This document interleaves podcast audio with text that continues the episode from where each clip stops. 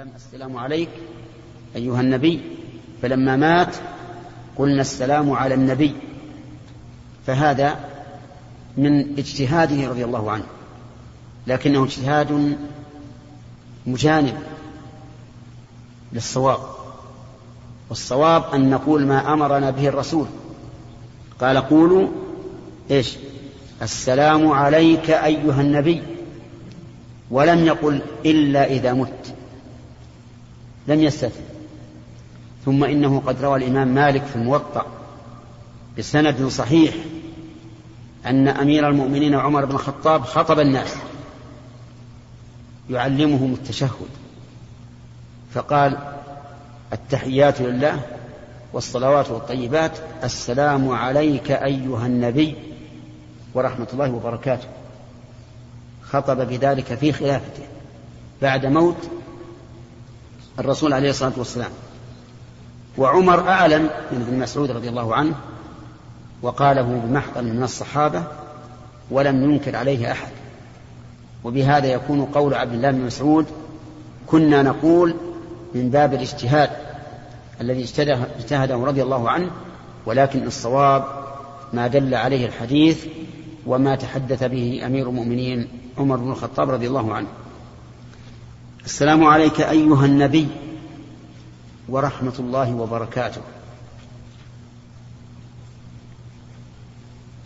هنا أطلق النبي وأراد به النبي الرسول لأن محمدا صلى الله عليه وسلم نبي رسول.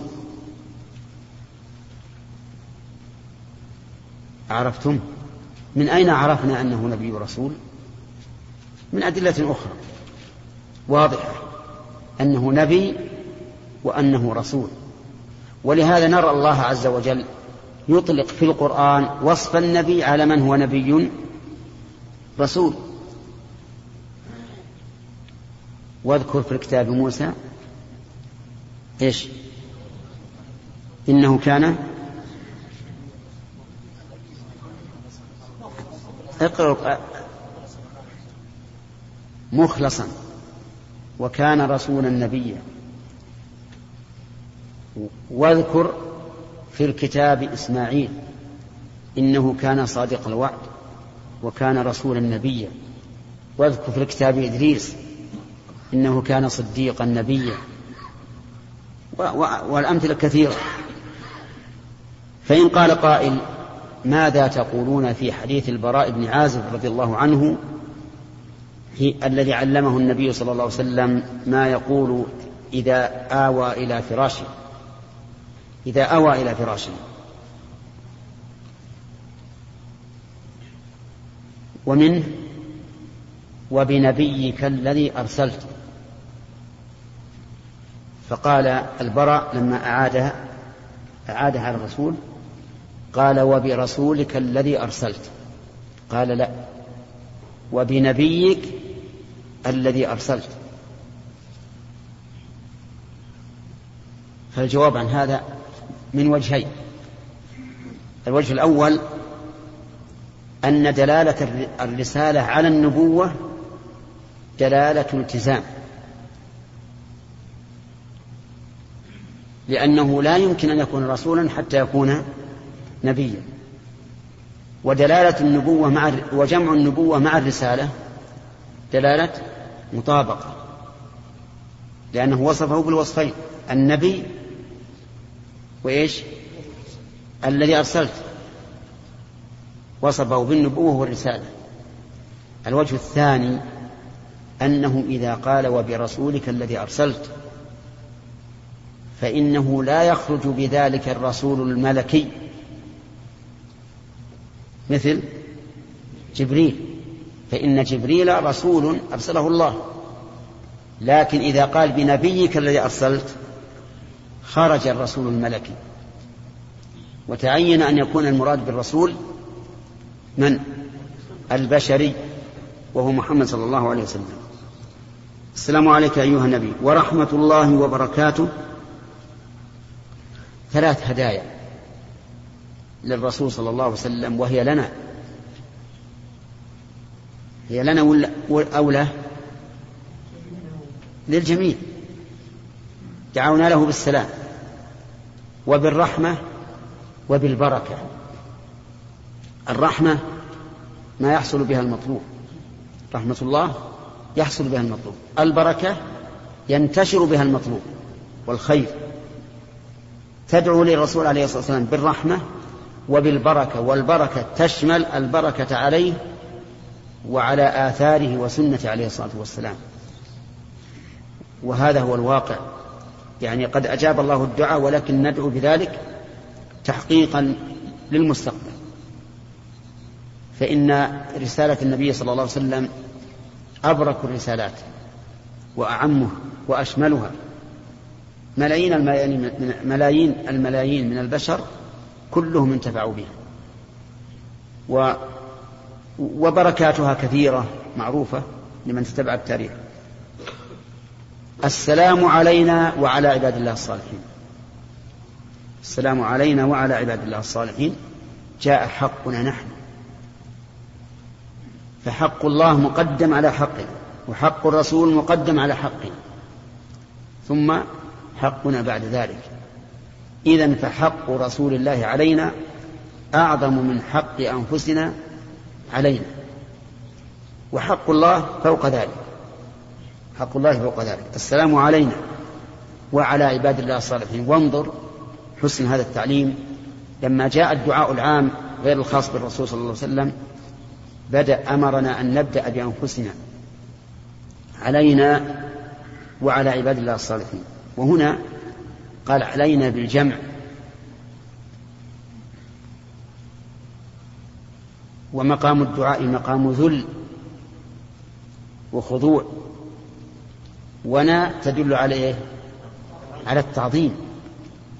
فكيف جاءت بصيغة التعظيم؟ نقول جاءت بصيغة التعظيم لأن المراد بها علينا معشر أمة محمد. بقرينة قوله السلام عليك أيها النبي وهو مرسل للأمة. فيكون معنى السلام علينا معشر هذه الأمة المتبعة لمن؟ للنبي صلى الله عليه وسلم. فضمير الجمع هنا ليس للتعظيم ولكن مراد ولكنه يراد به حقيقة الجمع. وقيل المراد السلام علينا معشر المصلين. وهذا يصح إذا كنا في في جماعة لكن إذا لم نكن في جماعة لا يصح. وعلى هذا فالمعنى الأول أصح. وعلى عباد الله الصالحين. عباد الله الصالحين. المراد بالعباد هنا عبودية الذل والخضوع الشرعي. لأن عبودية الله لأن عبوديتنا لله عز وجل قسمان. عبودية تتضمن الخضوع والذل والخضوع الكوني. وهذه عامة للإنسان والحيوان وكل شيء. حتى الكافر عبد لله. إن كل من في السماوات والأرض إلا أتى الرحمن عبدا وعبودية ذل وخضوع شرعي. وهذه خاصة بالمؤمنين. ولهذا قيدت بقوله وعلى عباد الله الصالحين. والصالح هو الذي صلح أمره ولم يعتريه فساد بأن كان عمله خالصا لله متبعا فيه رسول الله صلى الله عليه وسلم. ويتضمن هذا أن يقوم هذا العبد بحق الله وحق عباده. ولهذا فسر بعضهم الصالحين بأنهم الذين قاموا بحق الله وحق عباده. طيب هذا العباد الله الصالحين مفرد ولا جمع؟ عباد الله جمع مضاف. جمع مضاف. يفيد إيش؟ يفيد العموم. والذي والذي وضع لنا هذه القاعدة رسول الله صلى الله عليه وسلم. الذي وضع لنا أن الجمع المضاف للعموم رسول الله صلى الله عليه وآله وسلم. لأنه قال فإنكم إذا قلتم ذلك سلمتم على كل عبد صالح في السماء والأرض. إذن فللعموم صيغة. العموم له صيغة. بل له صيغة لكن بعض الأصوليين قال لا صيغة للعموم وهذا غلط. بل العموم له له صيغة لا شك. أشهد أن لا إله إلا الله وأشهد أن محمد عبده ورسوله. أشهد. الشهادة تكون بالرؤية الحسية. يعني بما يدرك بالحس. تقول أشهد على فلان أنه قال كذا أنه فعل كذا. وهنا المراد بالشهادة اليقين التام. لكن لما كان يقينا تاما صار كأنه مشهودا. أشهد أن لا إله إلا الله. وقول أن لا إله إلا الله إله بمعنى مألوه أي لا معبود إلا الله. أشهد أن لا معبود إلا الله. ومعلوم أننا لو أخذنا بهذا الظاهر لأدى ذلك إلى الكفر. لأدى ذلك إلى الكفر. كيف؟ لأن في أصنام تعبد وتسمى آلهة. فإذا قلنا لا إله إلا الله صار كل ما يعبد فهو فهو الله. كل ما يعبد فهو الله. واضح هذا ولا لا؟ ولهذا يتعين أن نقول إن خبر لن نافية محذوف. تقديره لا إله حق إلا الله. يتعين هذا. فإذا كان الخبر هكذا تقديره زال الإشكال. لأن الآلهة التي تعبد من دون الله باطل. ذلك بأن الله هو الحق وأن ما يدعون من دونه هو الباطل. طيب.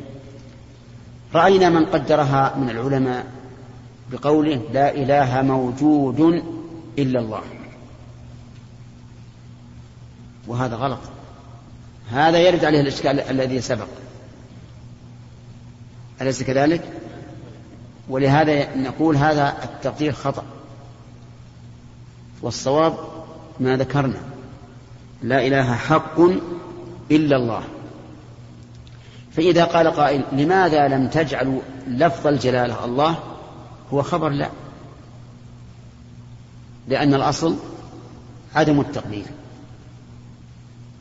قلنا هذا لا يصح. لفظا ولا معنى.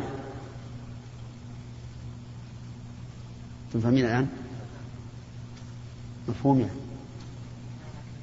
يعني لو قال قائل لماذا لم تجعلوا الله؟ نعم هو الخبر.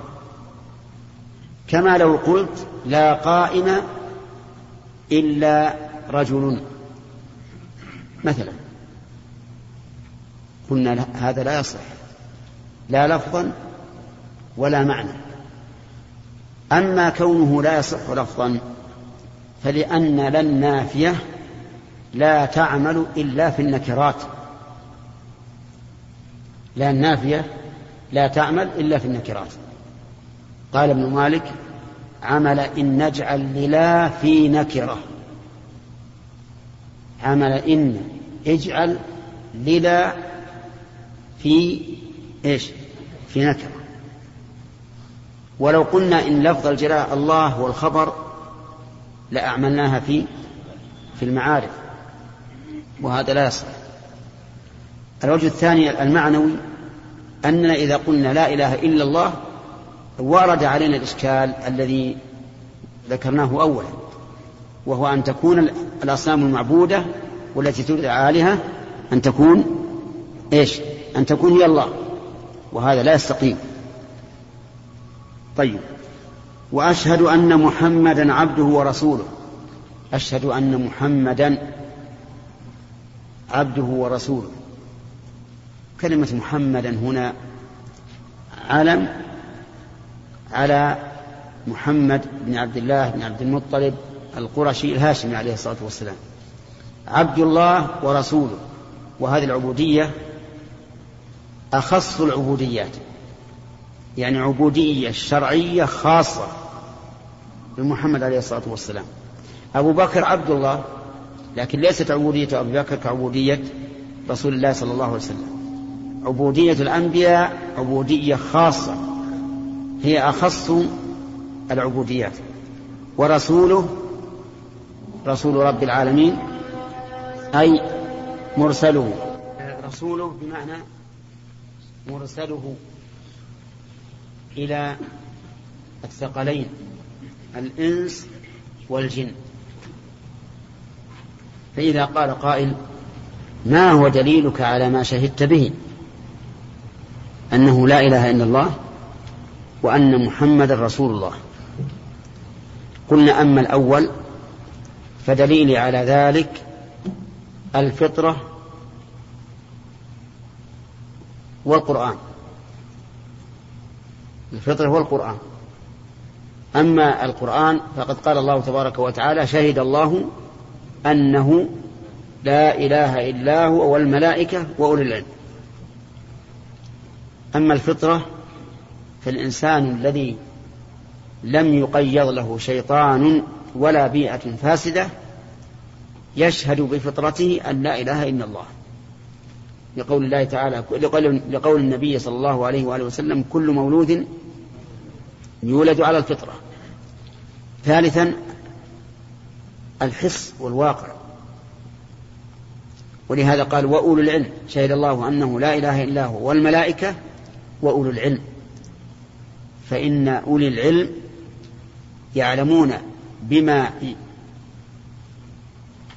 يحسونه ويعقلونه أنه لا إله إلا الله.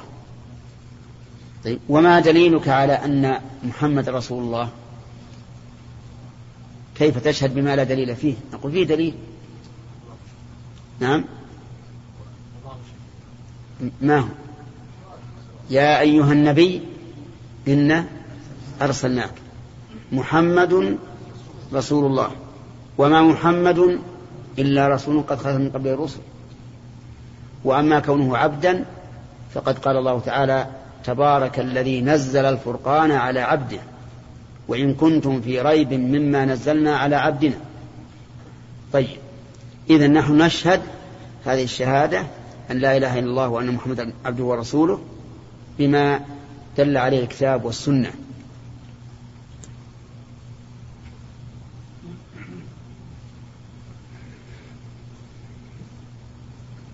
والشاهد من هذا الحديث قوله إن الله هو السلام فيكون مطابقا للآية الكريمة. السلام المؤمن نعم بعض الناس الله يقول التحيات اللهم صل على سيدنا يعني هل ورد عن الرسول صلى الله عليه وسلم انه قال سيدنا سيدنا محمد؟ ما ما جاءت اللهم صل معنا. لا بس ما الصلاة ما ذكرت هنا. لكن لا مانع.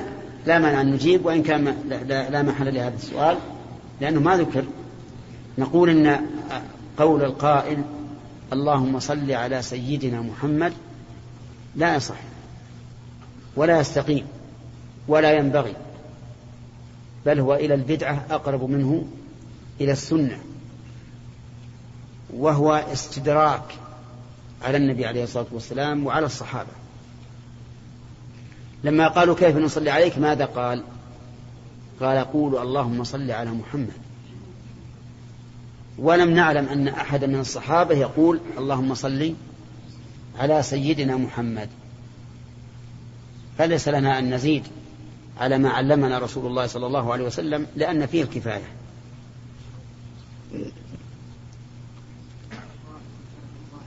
إيش؟ إيش؟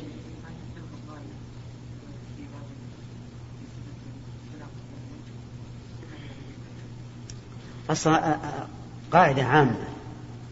المعتزلة لا يثبتون أي صفة. يقول أسماء الله مجردة عن الصفات. السلام يقول هذا اسم جامد لا يدل على السلامة. هذه هذه قواعد عامة. الأشاعرة لا يثبتون من الصفات إلا سبع صفات فقط. والمعتزلة لا يثبتون أي صفة إلا ما لا ينفرد به العبد. ولهذا يثبتون لله العلم ويثبتون له القدرة. لأنه عندهم الجبر. الجهمية قصدي. الجهمية عندهم الجبر.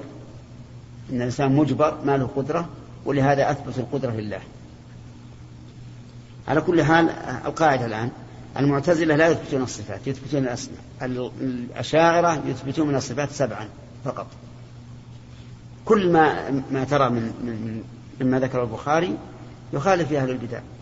سليم. نعم. كيف رد عليه؟ هذا ما دام الكتاب والسنة الآن عندنا دليل في الكتاب والسنة على اسم الله الذي هو السلام. نعم.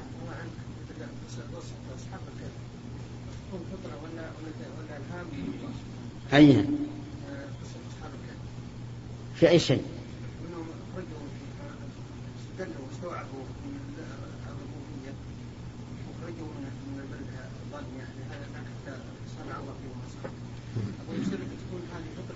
إما أن تكون فطرة أو أنها بقية رسالة. لا لا رسالة لأنه وإن من أمة إلا خلا فيها نذير. نعم. ثلاث. طيب. باب قول الله تعالى ملك الناس فيه أنا عندي مالك. ملك. شرح. قال باب قول الله تعالى ملك الناس قال البيهقي الملك والمالك هو الخاص الملك ومعناه في حق الله تعالى القادر على الإيجاد وهي صفة يستحقها لذاته وقال الراغب الملك المتصف بالأمر والنهي وذلك يختص بالناطقين. ولهذا قال ملك الناس ولم يقل ملك الأشياء. قال وأما قوله ملك يوم الدين فتقديره الملك في, في يوم الدين لقوله لمن الملك اليوم. انتهى. ويحتمل أن يكون خص الناس بالذكر في قوله في قوله تعالى ملك الناس لأن المخلوقات جماد ونام والنامي صامت وناطق والناطق متكلم وغير متكلم فأشرف الجميع فأشرف الجميع المتكلم وهم ثلاثة الإنس والجن والملائكة وكل من عداهم جائز دخوله تحت قبضتهم وتصرفهم. وإذا كان المراد بالناس في الآية المتكلمة فمن ملكوه في فمن ملكوه هذا غلط. الكلام يكون من غير هؤلاء الثلاثة. علمنا منطق الطير. منطق الطير. وقالت نملة أخرجنا لهم دابة من الأرض تكلمهم لكن سبحان الله بعض العلماء. ولهذا أنا أنا أحذركم من الحصر. الحصر هذا دائما يكذب الإنسان الواقع. لا تحصر تقول ما إلا كذا أو ما يكون إلا كذا لأن علمك قاصر. قل لا أعلم لا بأس. وإذا قلت لا أعلم وتبين خلاف ما قلت صرت جاهلا بسيطا. وإذا قلت لم يكن إلا كذا وتبين خلاف قالوا لك صرت جاهلا مركبا. نعم. فيه ابن عمر. أقرأ كم لا لا بس وشو أنا عندي مالك. نعم؟ عندك ذكر قراءة ها؟ إيش؟ أي هذا هذا النبي. ما ذكر شيء؟ العين منه معه مالك؟ شو يقول؟ ها؟ طيب. نراجعها إن شاء الله. نعم. لكن أحسن الله إليكم. مين مالك في سورة الفاتحة؟ في سورة الفاتحة قراءتان سبيتان إيه؟ ملك ومالك. لكن هذه سورة الناس. إيه اللي عندي الآن مالك الناس. فهل فيها قراءتان ملك الناس ومالك الناس أو لا؟ أراجع. تراجع إن شاء الله. نعم. ها؟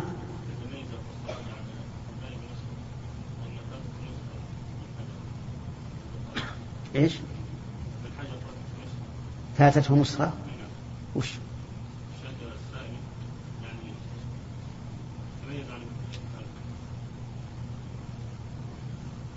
أنت الآن أعطنا فائدة لمشكلتنا الآن.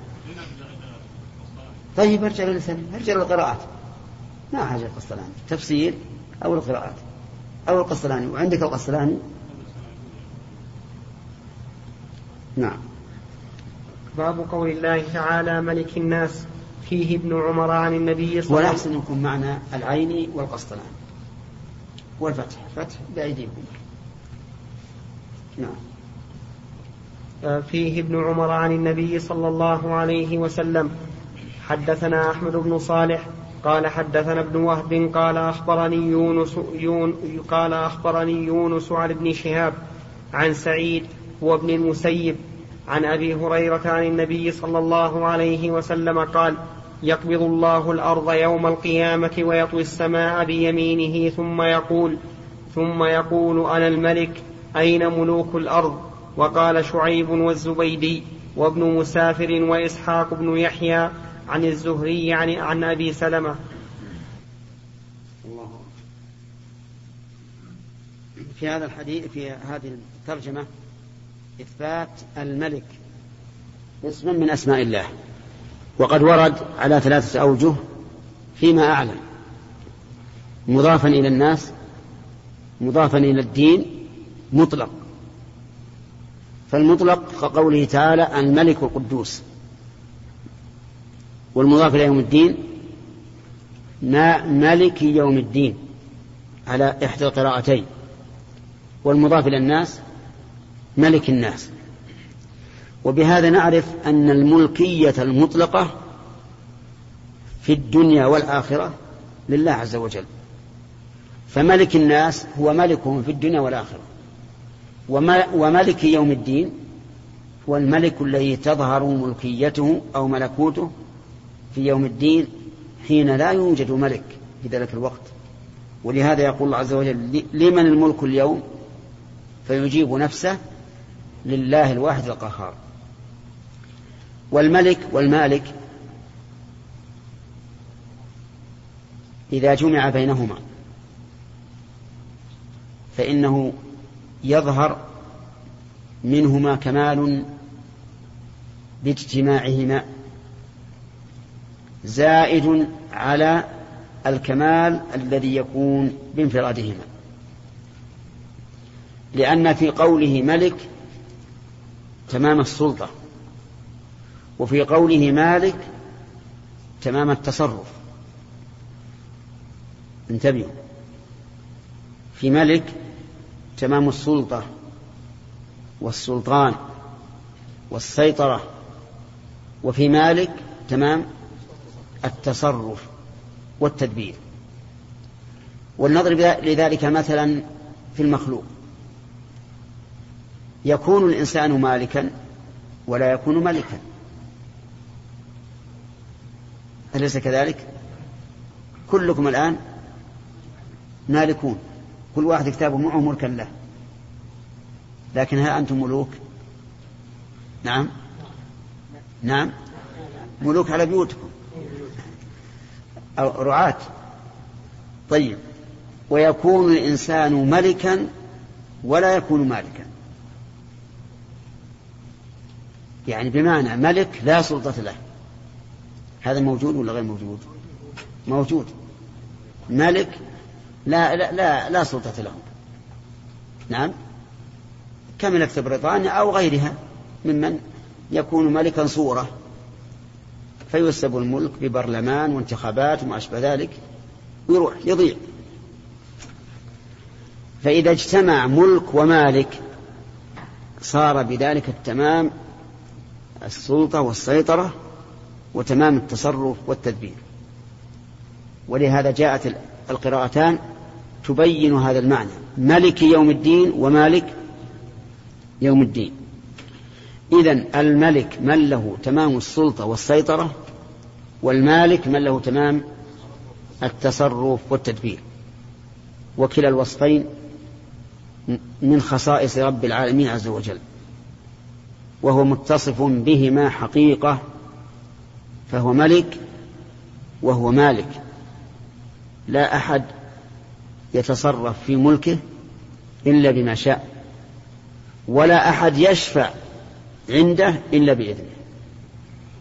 ملوك الدنيا مهما بلغوا من القوة والسيطرة يشفع عندهم بلا إذن. أليس كذلك؟ توافقون على هذا؟ طيب إذا معناه يمكن كل واحد يدخل على الملك ويقول أشفع في فلان بن فلان. نعم؟ أي ما كل أحد لكن فيه من من فيه من من يشفع بلا إذن. بعض الناس يكون ملكا لكنه مملوك لزوجته مثلا. ولا لا؟ يعني الزوجة تستطيع أنها تقول له يا فلان أشفع لفلان عندك بدون أن تستأذن منه. بعض الناس يكون لوزيره أو صديقه قوة يستطيع أن يشفع بلا إذن.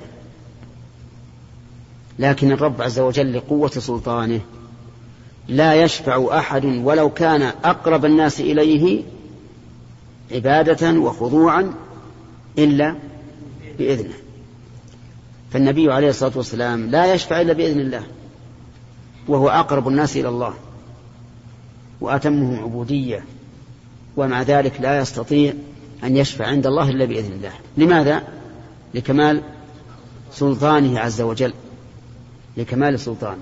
إذا فهو ملك كامل السلطة لا أحد يشفع الشفاعة اللي فيها الخير إلا بعد إذن الله عز وجل. هو أيضا مالك له تمام التصرف والتدبير. إنما أمره إذا أراد شيئا أن يقول له كن فيكون. ولا أحد يضاد الله في تدبيره أبدا حتى أكفر الكافرين. لا يمكن أن يضاد الله عز وجل في التدبير. فلولا إذا بلغت الحلقوم وأنتم حينئذ تنظرون ونحن أقرب إليه منكم ولكن لا تبصرون فلولا إن كنتم غير مدينين ترجعونها تحدي. إن كنتم صادقين. هل يمكن لأكبر واحد سلطة في العالم أن يرجعها إذا بلغت الحكومة يردها إلى أسفل ولا ما يمكن؟ ما يمكن. إذا تمام السلطة والتدبير لله رب العالمين عز وجل فهو إذا تام الملك وتام التدبير والتصرف طيب وهنا قال ملك الناس ولن يقل مالك مالك يوم الدين لأن لكل مقام مقالا السورتان الفلق والناس نزلتا. لنشرة النبي صلى الله عليه وسلم من السحر. ومن الذي سحره؟ واحد من من الناس. فكانت المناسبة أن يقال ملك الناس الذي بيده السلطة والسيطرة على الناس ومنهم الذين سحروا النبي صلى الله عليه وسلم. ولهذا كره ملك الناس إله الناس لهذا. فهو الملك وهو الإله المألوه للناس سبحانه وتعالى. فلكل مقام مقال وهذا من بلاغة القرآن. والنبي عليه الصلاة والسلام سحر ورقي بهذه بهاتين السورتين. وما تعوذ متعوذ بمثلهما ولا أحسن منهما لرفع السحر. لكن بشرط أن يكون هناك صدق من قارئهما وقابلهما أي المقروء عليه. فإن كان في القارئ شك أو في المقروء عليه شك فإن ذلك لا ينفع. لكن إذا كان من قوة ويقين فإنه بإذن الله ينفع ولا أنفع منه وهذا شيء مجرب لمن وفق للإيمان واليقين وصار المحل قابلا وهو المقروء عليه. أما إذا كان المحل غير قابل فلا ينفع. ولهذا لو ضربت السيف لو جاء رجل شجاع قوي ومعه سيف بتار نعم وأتى على حديد صلب تعرفون الصلب؟ الذي لا ينثني ولا يلين. نعم فتحمس عليه ونادى أنا أبو فلان أنا أبو فلان. ثم قام وخبط السيف على هذا الحديد الصلب. ينقطع ولا ينقطع؟ ينقطع السيف. إيه لماذا؟ لأن المحل غير قابل فلا يتأثر به مع أن الرجل شجاع. والسيف بتار نعم ولكن لا ينتفع لأن المحل غير قابل. لكن لو جاء هذا الشجاع بسيف بتار على رقبة مجرم مستحق للقتل ثم ضربه بعد أن انفعل وستكون الضربة حينئذ إيش؟ قوية. هل يتأثر وتنقطع رقبته أو لا. نعم؟ لا شك. لماذا؟ لأن المحل قابل. ربما تقرأ على إنسان والله ما أدري عن هذا مطوع هذا ما أدري ينفع ولا ما ينفع. لكن إذا ذهبت لفلان وفلان من الكهنة انتفع. هل تنفعه الرقية؟ لا. لا بد من أمرين. القارئ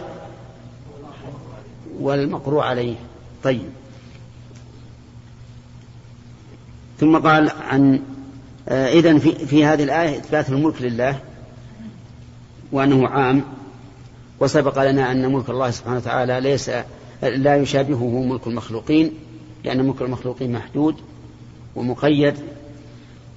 ثم ذكر حديث أبي هريرة قال يقبض الله الأرض يوم القيامة. الأرض كلها يقبضها الله يوم القيامة. وشاهد هذا في القرآن والأرض جميعا قبضته يوم القيامة. ويطوي السماء بيمينه. لقوله تعالى والسماوات مطويات بيمينه. وهذا الطي حقيقي. ليس المراد قوة السيطرة على السماء أو قوة السيطرة على الأرض وقبض حقيقي للأرض وطي حقيقي للسماء.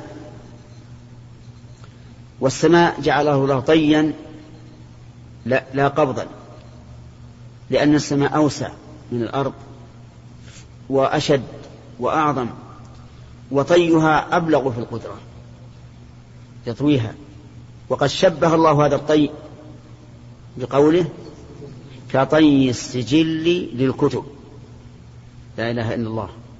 هذه السماوات العظيمة يطويها بيمينه كطي السجل للكتب ثم يقول أنا الملك أين ملوك الأرض؟ الله أكبر. أين ملوك الأرض؟ هل أحد منهم يرفع صبره ها؟ أبدا. ما في ملك يوم القيامة. ما في ملك. الناس سواء أصغر الخدم وأقوى الملوك وأعز الملوك على حد سواء. كلهم حفاة كلهم عراة كلهم غر. لأنه ما في ملك. الملك لله عز وجل. يقول أين أنا الملك؟ أين ملوك الأرض؟ وقال شعيب والزبيد وابن مسافر وإسحاق بن يحيى عن الزهري عن أبي سلمة. والأول عن ابي شهاب عن سعيد عن أبي هريرة. شوف السند الأخير. خالد. وقال شعيب. يقول وصنيع. قلت وأخرجه ابن أبي حاتم من طريق الصدفي عن الزهري كذلك. ونقل ابن خزيمة عن محمد بن يحيى الذهلي أن الطريقين محفوظان انتهى وصنيع البخاري يقتضي ذلك وإن كان الذي تقتضيه القواعد ترجيح رواية وإن كان الذي تقتضيه القواعد ترجيح رواية شعيب لكثرة من تابعه. لكن يونس كان من خواص الزهري الملازمين له. أي نعم. قبل. يقول فيه ابن عمر عن النبي صلى الله عليه وسلم أن يدخل في هذا الباب حديث, حديث ابن عمر ومراده حديثه الآتي بعد اثني عشر بابا في ترجمة, في ترجمة قوله تعالى لما خلقت بيدي وسيأتي شرحه هناك إن شاء الله تعالى. ثم ذكر حديث أبي هريرة يقبض الله الأرض يوم القيامة ويطوي السماء بيمينه ثم يقول أنا الملك أين ملوك الأرض؟ أخرجه من رواية يونس وهو ابن يزيد عن ابن شهاب بسنده. ثم قال وقال شعيب والزبيدي وابن مسافر وإسحاق بن يحيى عن الزهري وعن أبي سلمة عن عندي وعن. أحذف يا شيخ.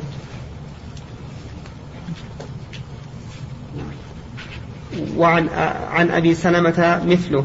كذا وقع لأبي ذر. وسقط لغيره لفظ مثله. وليس المراد أن أبا سلمة أرسله بل مراده أنه, أنه اختلف على ابن شهاب وهو الزهري في شيخه فقال يونس هو سعيد بن المسيب. وقال الباقون أبو سلمة وكل منهما يرويه عن أبي هريرة. فأما رواية شعيب وهو, وهو ابن أبي حمزة الحمصي فستأتي في الباب المشار إليه في الحديث المعلق آنفا فإنه قال هناك وقال أبو اليمان أنا شعيب. أو أنبأنا شعيب. آه نعم. فذكر طرفا من المتن وقد وصله الدارمي قال حدثنا الحكم بن نافع وهو أبو اليمان فذكره وفيه سمعت أبا سلمة يقول قال أبو هريرة وكذا أخرجه ابن خزيمة في كتاب التوحيد من صحيحه عن محمد بن يحيى الذهلي عن أبي اليمان وأما رواية الزبيدي بضم الزاي بعدها موحدة وهو محمد بن الوليد الحمصي. فوصلها ابن خزيمة أيضا من طريق عبد الله بن سالم عنه عن الزهري عن أبي سلمة عن أبي هريرة وأم عن أبي هريرة وأما طريق وأما طريق ابن مسافر وهو عبد الرحمن بن خالد ابن مسافر الفهمي أمير مصر. نسب لجده فتقدمت موصولة فتقدمت موصولة في تفسير سورة الزمر من طريق الليث بن سعد عنه كذلك.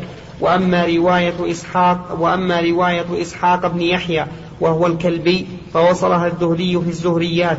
قال الإسماعيلي وافق الجماعة عبيد الله بن زياد الرصافي في أبي سلمة.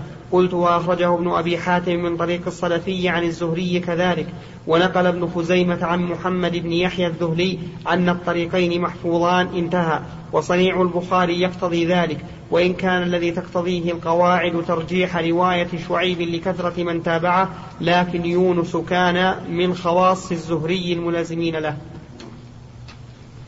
البخاري رحمه الله كما قال أن الطريقين صحيحان. وهذا من فقه البخاري لأن الطريق الأول طريق يونس يترجح بملازمته لابن شهاب. ومعلوم أن الملازم أعلم من غير الملازم. يعني من صاحبك ليس يماثله من لاقاك مرة من المرات. لكن الطريق الأخرى عن أبي سلمة عن أبي هريرة بدل سعيد بن المسيب رواها أربعة. شعيب الزبيدي بن مسافر إسحاق فترجحت بهذه الكثرة والمتابعات وذيك ترجحت بماذا؟ بكثرة الملازمة. وعلى هذا فنقول الطريقان صحيحان. قال الإمام البخاري رحمه الله تعالى باب قول الله تعالى وهو العزيز الحكيم سبحان ربك رب العزة عما يصفون. ولله العزة ولرسوله ومن حلف بعزة الله وصفاته. وقال أنس قال النبي صلى الله عليه وسلم تقول جهنم قط قط وعزتك وعزتك, وعزتك. وقال أبو هريرة عن النبي صلى الله عليه وسلم يبقى رجل بين الجنة والنار وهو آخر أهل النار دخولا الجنة فيقول رب اصرف وجهي عن النار. لا وعزتك لا أسأل لا أسألك غيرها. قال أبو سعيد إن رسول الله صلى الله عليه وسلم قال قال الله عز وجل لك ذلك وعشرة أمثاله. وقال أيوب وعزتك لا غنى لي عن بركتك. بسم الله الرحمن الرحيم. قال البخاري رحمه الله تعالى باب قول الله تعالى وهو العزيز من فضلك اقلب الشريط. ذكر في هذه الترجمة اسمين من أسماء الله نعم.